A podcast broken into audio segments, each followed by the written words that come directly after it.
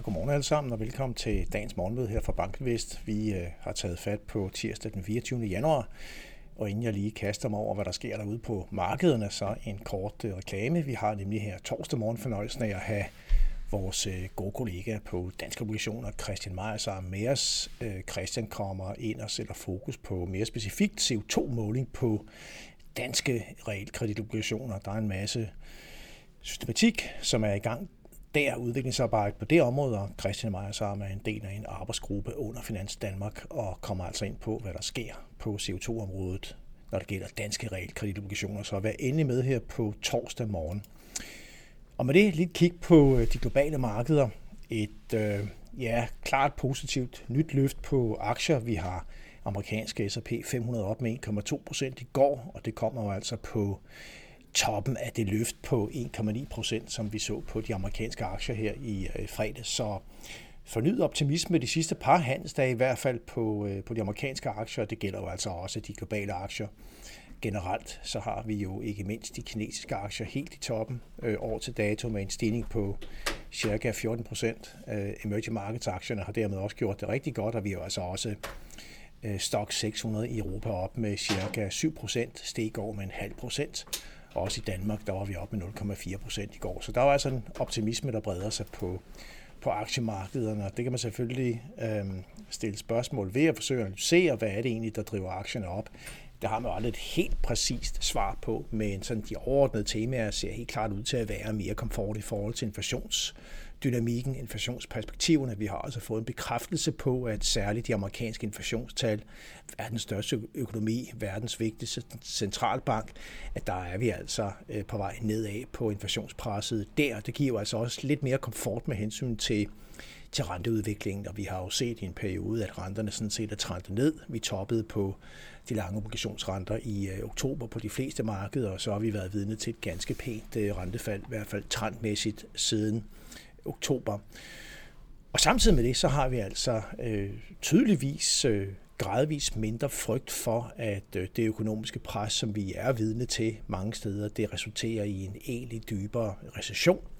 Øh, Kina, genåbningstemaet kører. Øh, vi har været inde på BNP-vækstforventningerne på Kina, som altså nu ligger op omkring 5% både for 2023 og 2024.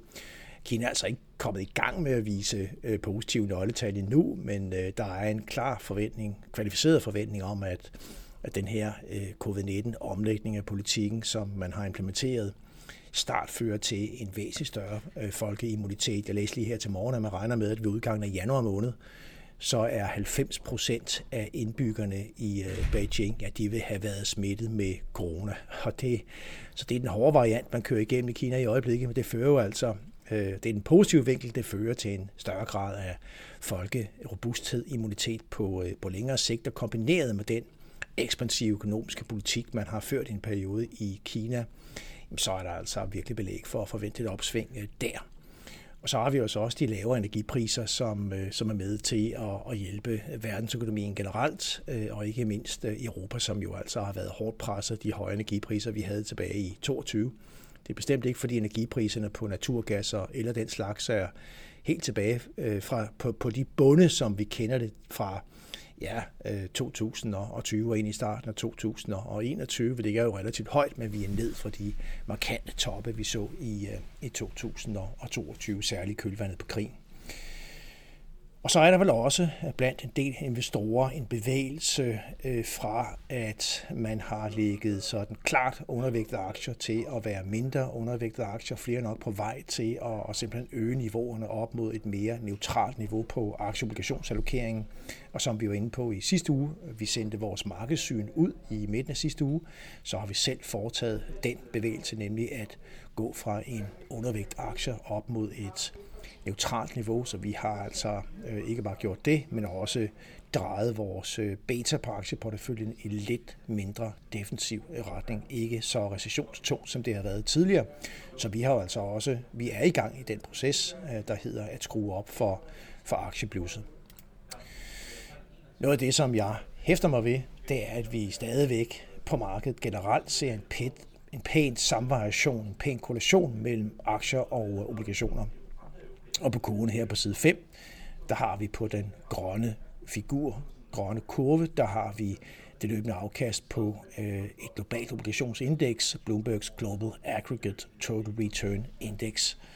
Og så har vi på den mørkeblå kurve simpelthen afkastudviklingen på MSCI All Countries World. Så vi har et globalt obligationsindeks og et globalt aktieindeks. Og vi så jo igennem 22 senest, hvordan at aktier og renter de samvarierede. Vi havde stigende renter, og vi havde pres på, på aktier, og dermed faldende øh, afkast på både obligationer og aktier. Og så har vi også set en vending fra oktober og frem, og den tendens er sådan set fortsætte ind i 2023. Der er en, en klar samvariation her, så jeg vil sige, at det aktieløft, vi har fået, det har helt sikkert ikke været muligt, hvis ikke vi havde fået en større grad af stabilitet, og der er noget medvind fra, fra rentesiden også. Og det øh, spiller selvfølgelig ind i forhold til de kommende møder, vi har i Fed og ECB.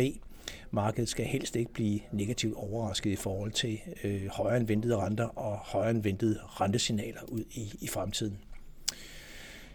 Sådan på et aktieniveau, så øh, på et aktiesektorniveau, så øh, har vi jo også set et, øh, et ganske nyt mønster her i 23 i forhold til det, vi så i, øh, i 22. Vi har faktisk communications øh, helt i top år til dato inden for S&P 500. Vi har diskretionært forbrug på anden pladsen, IT på en tredje plads, Basic Materials på en fjerde plads. Så vi har noget cyklikalitet, og vi har noget tech, som, øh, som virkelig er rykket her år til dato. Og i den anden ende af skalaen, der har vi omvendt de defensive sektorer i bund, som ellers gjorde det rigtig godt øh, sidste år, øh, i hvert fald relativt til de mere cykliske sektorer. Vi har allernederst, der har vi stabil forbrug, som faktisk givet den negativt afkast år til dato i S&P 500, minus 2,3 procent, som vi ser det i oversigten her på side 6. Og vi har også utilities og, og healthcare i, øh, i minus. Øh, noget af det, der ikke rigtig er trukket med op, øh, som, som ellers for en stor dels vedkommende er cyklisk. Det er industrisektoren, der ligger med et lille plus. Energi var den helt store højdespringer sidste år, og er i år kun i godsøjen steget med 3,2 procent. Men det er jo interessant at notere sig, at, øh, at teknologiselskaber altså har fået noget mere medvind, og det øh, skyldes helt sikkert også, at vi har et, et mindre pres fra, fra rentesiden.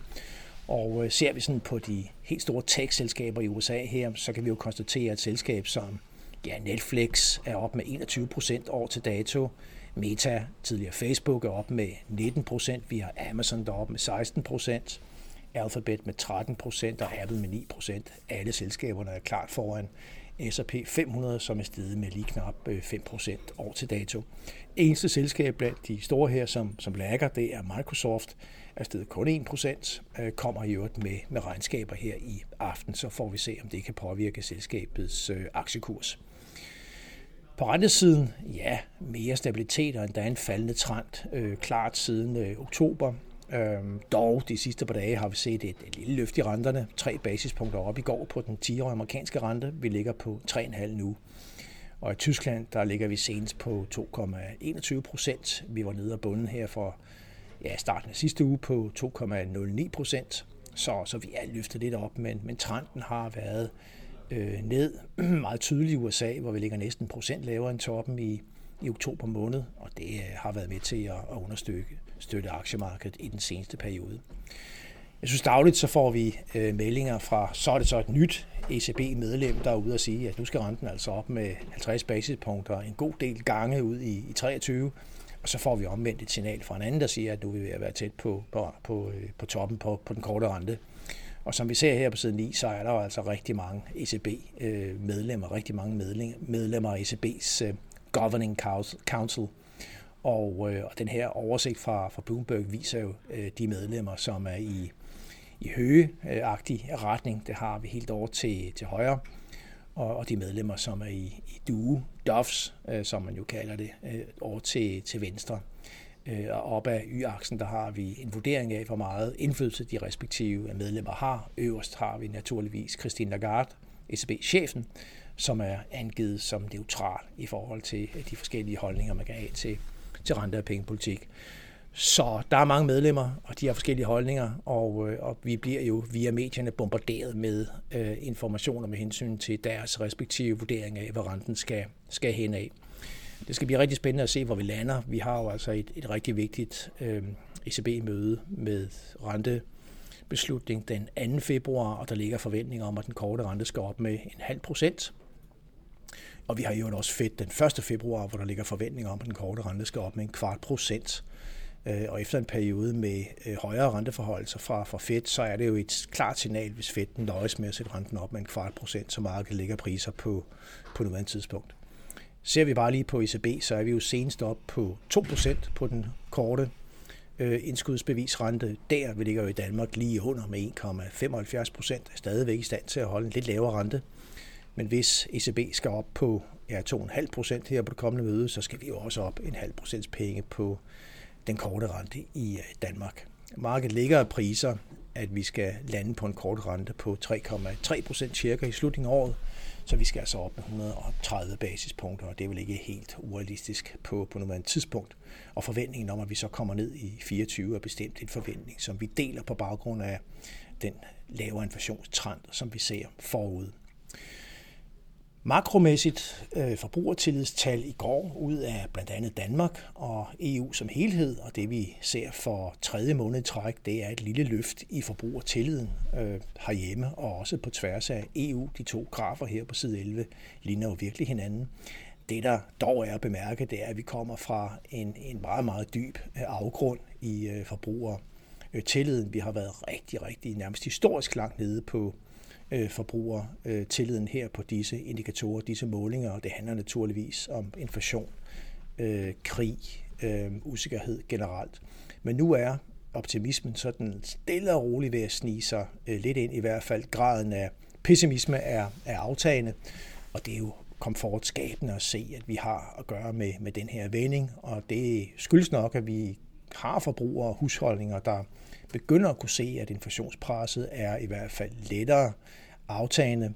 Priserne stiger stadigvæk, men de stiger i mindre omfang af det, man har set tidligere. Man kan i hvert fald konstatere, at på nogle områder, så er priserne faktisk faldet. Det gælder jo ikke mindst på energiområdet, og hvis man går ned og tanker benzin eller lignende, så kan man også se, at det koster mindre, end det gjorde tilbage på de meget høje niveauer, vi var i 2000 og 22.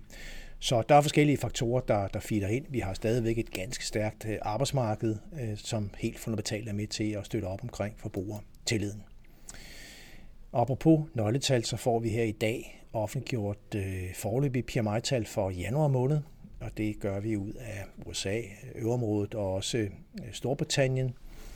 Og øh, der skal det blive interessant at se, om øh, konsensus får ret i, at vi skal se et lille løft i disse ellers pressede indikatorer i, øh, i januar måned. Det kunne være konstruktivt at feed ind i billedet af, at jamen, meget tyder på, at vi ikke rammer en, den øh, hårde recession, som mange ellers har frygtet øh, i, øh, i, ja, i slutningen af 2022, hvor man talte om perspektiverne for, for 23.